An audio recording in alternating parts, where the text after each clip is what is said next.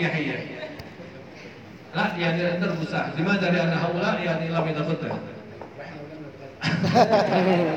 أنا أخاف يعني هؤلاء يعني ينسون ويذمون نعم نعم ماذا تقول ماهر نعم تقول يمان أفضل هنا نبو ساعة يعني كلمات من سعادتك يعني هذا ليس مصباح لأن يعني نحن تأخرنا في البداية nah ini sekali lagi nih saya ingatkan nih. Kita iltizam bil mau'id ya? Masih jadi ini ini modal saya nih pakem saya. Pakem kita bukan pakem masisir ya. Kalau jam 12 itu udah beneran. Idan tadhabuna min buyutikum sahkam ihdasyar jangan al-mu'id sa'isnasyar antum tadhabuna min buyutikum ustazun nus eh, ini kebiasaan lama. Ya itu antum akan akan akan akan terus bawa begitu. Antum kalau pengajian oleh misalkan Kiai Haji siapa namamu misalkan? Nanti nama siapa? Daud. Daud. Oh, uh, tadi kayak gitu tadi. Selamat Daud.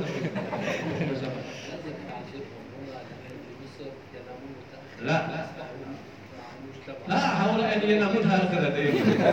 Jadi masalah Daud dipanggil oleh eh, mana itu dihadiri oleh Bapak Kiai Haji Daud jam 12 siang datang jam 12 tidak rubuk Hada dan ulama dan ulama jadi ketika antum ditunggu oleh masyarakatmu, oleh santrimu ribuan-ribuan ribu, jam berapa mau hadir saya? Jam 8 malam. Anta ta'ti ila makan al-mudhifah seakan saat sabi harus setengah jam untuk baca bacaan rumah jam 8 mulai. Hada iltizam. Ketika Allah bilang wal asri demi masa, berarti waktu itu berharga bagi manusia. Begitu Allah bilang wasyams, manu wasyams muhim dari insan. Wal qamar, al qamar muhim dari insan. Karena itu ya ilzamul waqt ya begitu misalkan al mu'is 12 12 kulluhum gay wa ahdin akhar. Kita yaqul al asnah yani al mu'is asarisah asran فالثالثة إلى ربع أكثر شيء أو الثاني ونصف كلهم جيد مرتبين هكذا هذا التزام الوقت نبدأ منذ الآن مستعدون؟ مستعدون يا شباب؟ إن شاء الله لازم أسمع؟ ini agak loyo ini karena belum makan nih. Udah makan belum kalian? Takutnya tuh bisa, malas. نستمع شوية كده ونتغدى معا إن شاء الله. تفضل.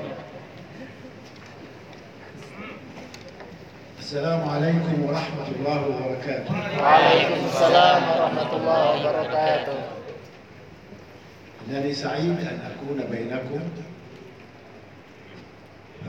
مبدئيا أعرفكم بنفسي. أنا عبد الفتاح سليمان الأمين العام للاتحاد العالمي للمدارس العربية والإسلامية والدولية. هذه المؤسسة تتبع منظمة التعاون الإسلامي. هذه المؤسسة وهو الاتحاد العالمي للمدارس أنشئ وتأسس عام 1976 ميلادية. يعني أكثر من خمسين عاما الآن. ونحن نتخصص في التعليم ما قبل الجامعة. للطلاب في رياض الأطفال وفي الابتدائي والمتوسط والثانوي. ولكن تخصصنا الأدق والأهم هو نشر وتعليم اللغة العربية للناطقين بغير اللغة العربية. هذا هو هدفنا الرئيسي في العمل منذ عام 1976 يعني أكثر من 60 عاما الآن. وقد أقمنا دورات كثيرة تتجاوز المئة دورة على مستوى العالم الإسلامي. الآن أكلمكم على أهمية اللغة العربية. هذه اللغة التي نزل بها القرآن الكريم على قلب سيد المرسلين سيدنا محمد صلى الله عليه وسلم باللسان العربي. كان العرب قبل الإسلام جاهبة القول وعملاقة في البيان وفي اللغة وكان يتفخرون بها في حلبة البلاغة والفصاحة ويتبارون بها ويتنافسون. وقال تعالى وإنه لتنزيل رب العالمين نزل بها الروح الأمين على قلبك لتكون من المنذرين بلسان عربي مبين. هذا يحملنا مسؤولية كبيرة. إن اللغة العربية هي مسؤولية. ومن كرم الله علينا أن هذه اللغة تتميز بأنها مرتبطة بالدين الإسلامي. فمن تمكن من اللغة العربية تمكن من اللغة تمكن من الشريعة والدراسات الإسلامية. إذا هي عليكم واجب مهم أن تتعلموا اللغة العربية حتى تستطيعوا أن تفهموا وتتكلموا بلغة القرآن. فأنني أنصحكم دائما أن تسعوا دائما للتحدث باللغة العربية. كيف هذا يكون؟ هناك واجبات يومية في اللغة العربية. يجب أن تفرد ساعات معينة في اليوم للتحدث باللغة العربية أو الاستماع للغة العربية. احرصوا دائما على هذا. أنا كنت في ماليزيا وجدت طلاب العلم الذين كانوا يدرسون العربية عندما عادوا إلى ماليزيا توقفوا عن التكلم باللغة العربية وعادوا إلى اللغة المحلية. هذه مسؤولياتكم أنتم في أندونيسيا أتمنى أن لا تقعوا في هذا الفخ. اسعوا دائما وأنتم موجودين في مصر هنا. بيننا أن تتكلموا اللغة العربية. أنا سافرت إلى لندن سنة 1972 وجلست مع عائلات إنجليزية. حتى أتمكن من التعلم والتكلم باللغة الإنجليزية. إذا عليكم أن تستمروا دائما مع اللغة العربية. واللغة العربية ليست لغة عادية ولكنها لغة حياة يجب أن تفتخروا بها وتتكلموا بها دائما. كل يوم عليك واجبات ساعات محددة يجب أن تتكلم باللغة العربية.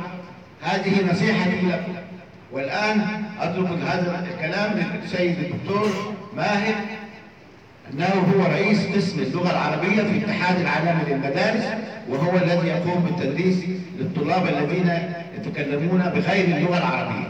ومعكم الدكتور ماهر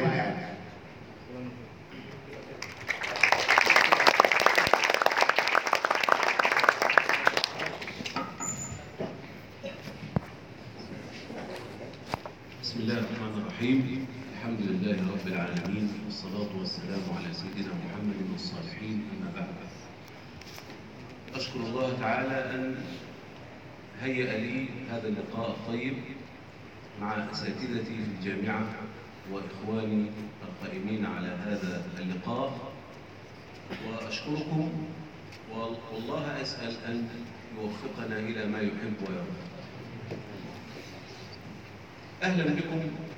في هذا اللقاء والملائكة تحفكم والله يذكركم ويباهي بكم أهل السماء. لأنكم أتيتم من بلادكم. أتيتم ولا جئتم؟ أتيتم ولا جئتم؟ أتيت. لا أتيتم. أتيتم. أي نعم. فرعون عندما قال له موسى عليه السلام أولو جئتك بشيء مبين؟ قال فأت به. لماذا قال فأتي ليس فجئ به. لأن فرعون يدرك الفرق بين جاء وأتى. ولذلك هو قال فأنتم أتيتم من بلادكم تركتم أهاليكم وأشياء كثيرة جزاكم الله خيرا وخرجتم في طلب العلم.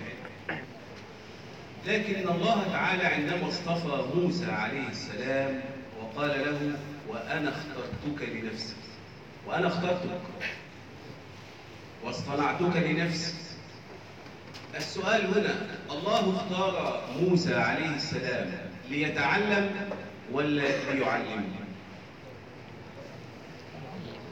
هو أولا الله علمه عندما تلقى من الله مباشرة الدرس الأول في الدين وقال له أنا ربك ثم حدثه عن أشياء في أصول الدين وأساسه قال له من بعد ذلك اذهب إلى فرعون إنه طغى لماذا؟ ليعلمه فموسى عليه السلام معلم قبل أن يتعلم أو بعد أن يتعلم والحديث يقول خيركم من تعلم القرآن وعلمه. وفي رواية خيركم من تعلم العلم وعلمه. أنا أريد الآن أن أتحدث إليكم في قليل من الأمور بسبب الوقت. أولا أنت رسول اللغة العربية. لماذا؟ لأن الله اصطفاك واختارك واجتباك وأتى بك هنا في بلد عربي لكي أنت تصنع مجتمعا عربيا في بلدك. ربما البعض من المشكلات التي تقابله في الميدان عندما ترجع إلى بلدك سيكون سيكون هناك صراع بين لغتك الأم واللغة الأم هذا في الحقيقة ليس صراعا.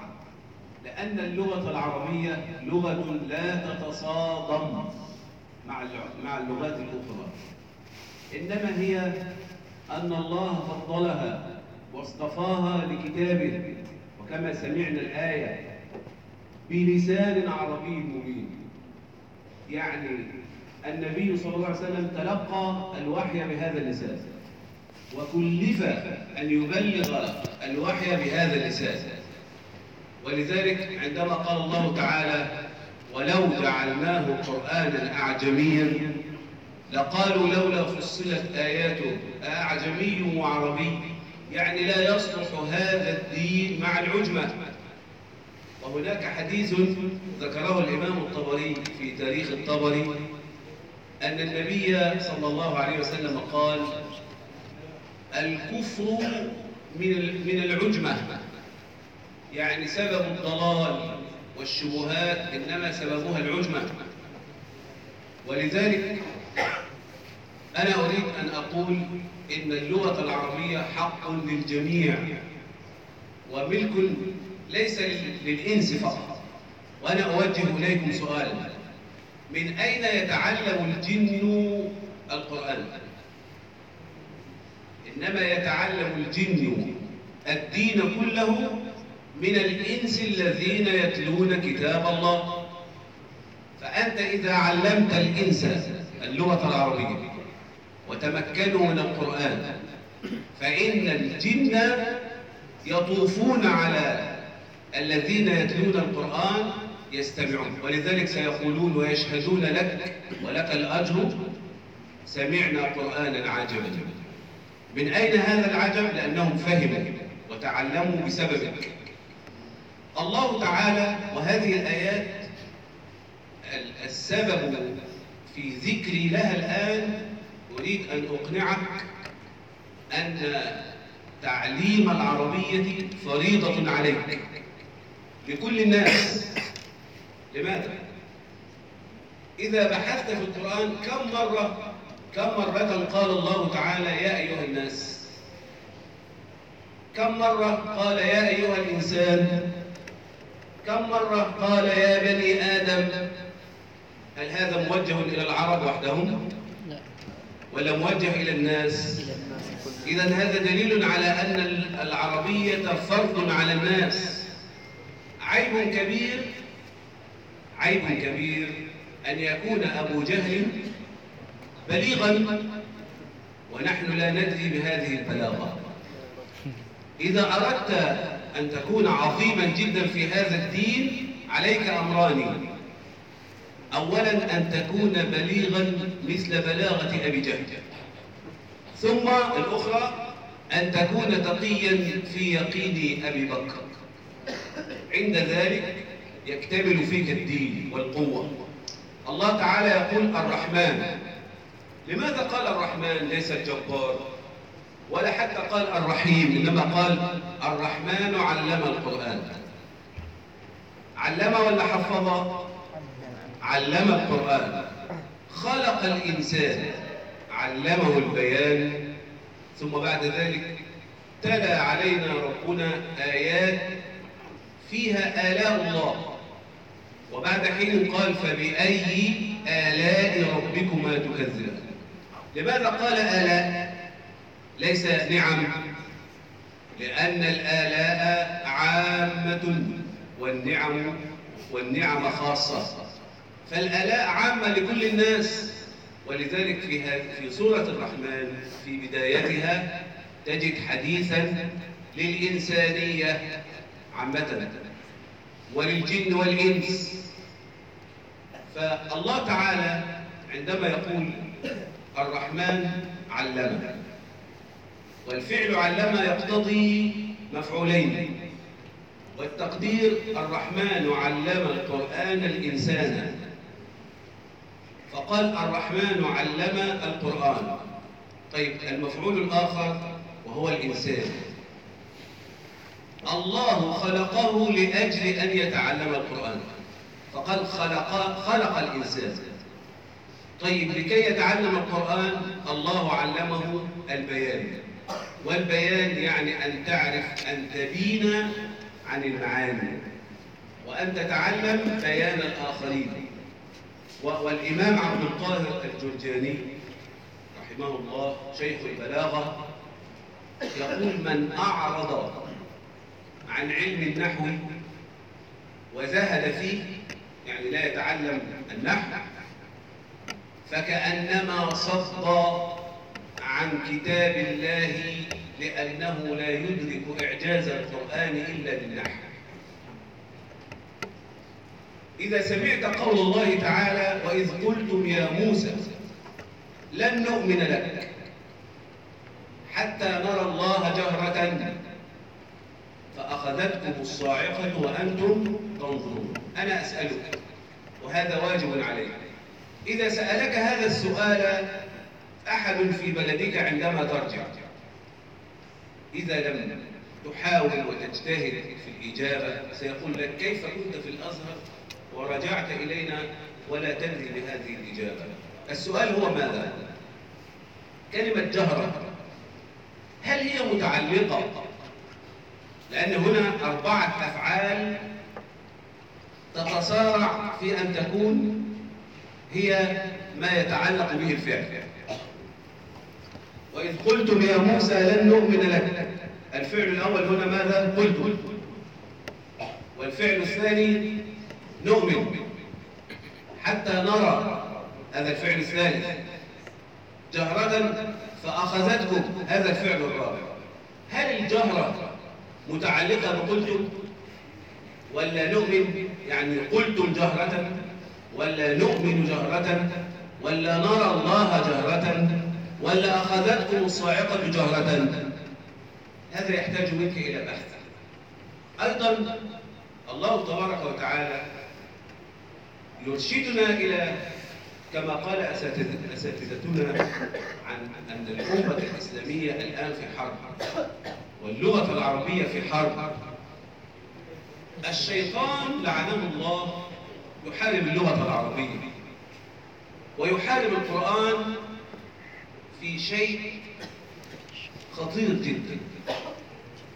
العربية هي معاني ومباني. معاني ومباني.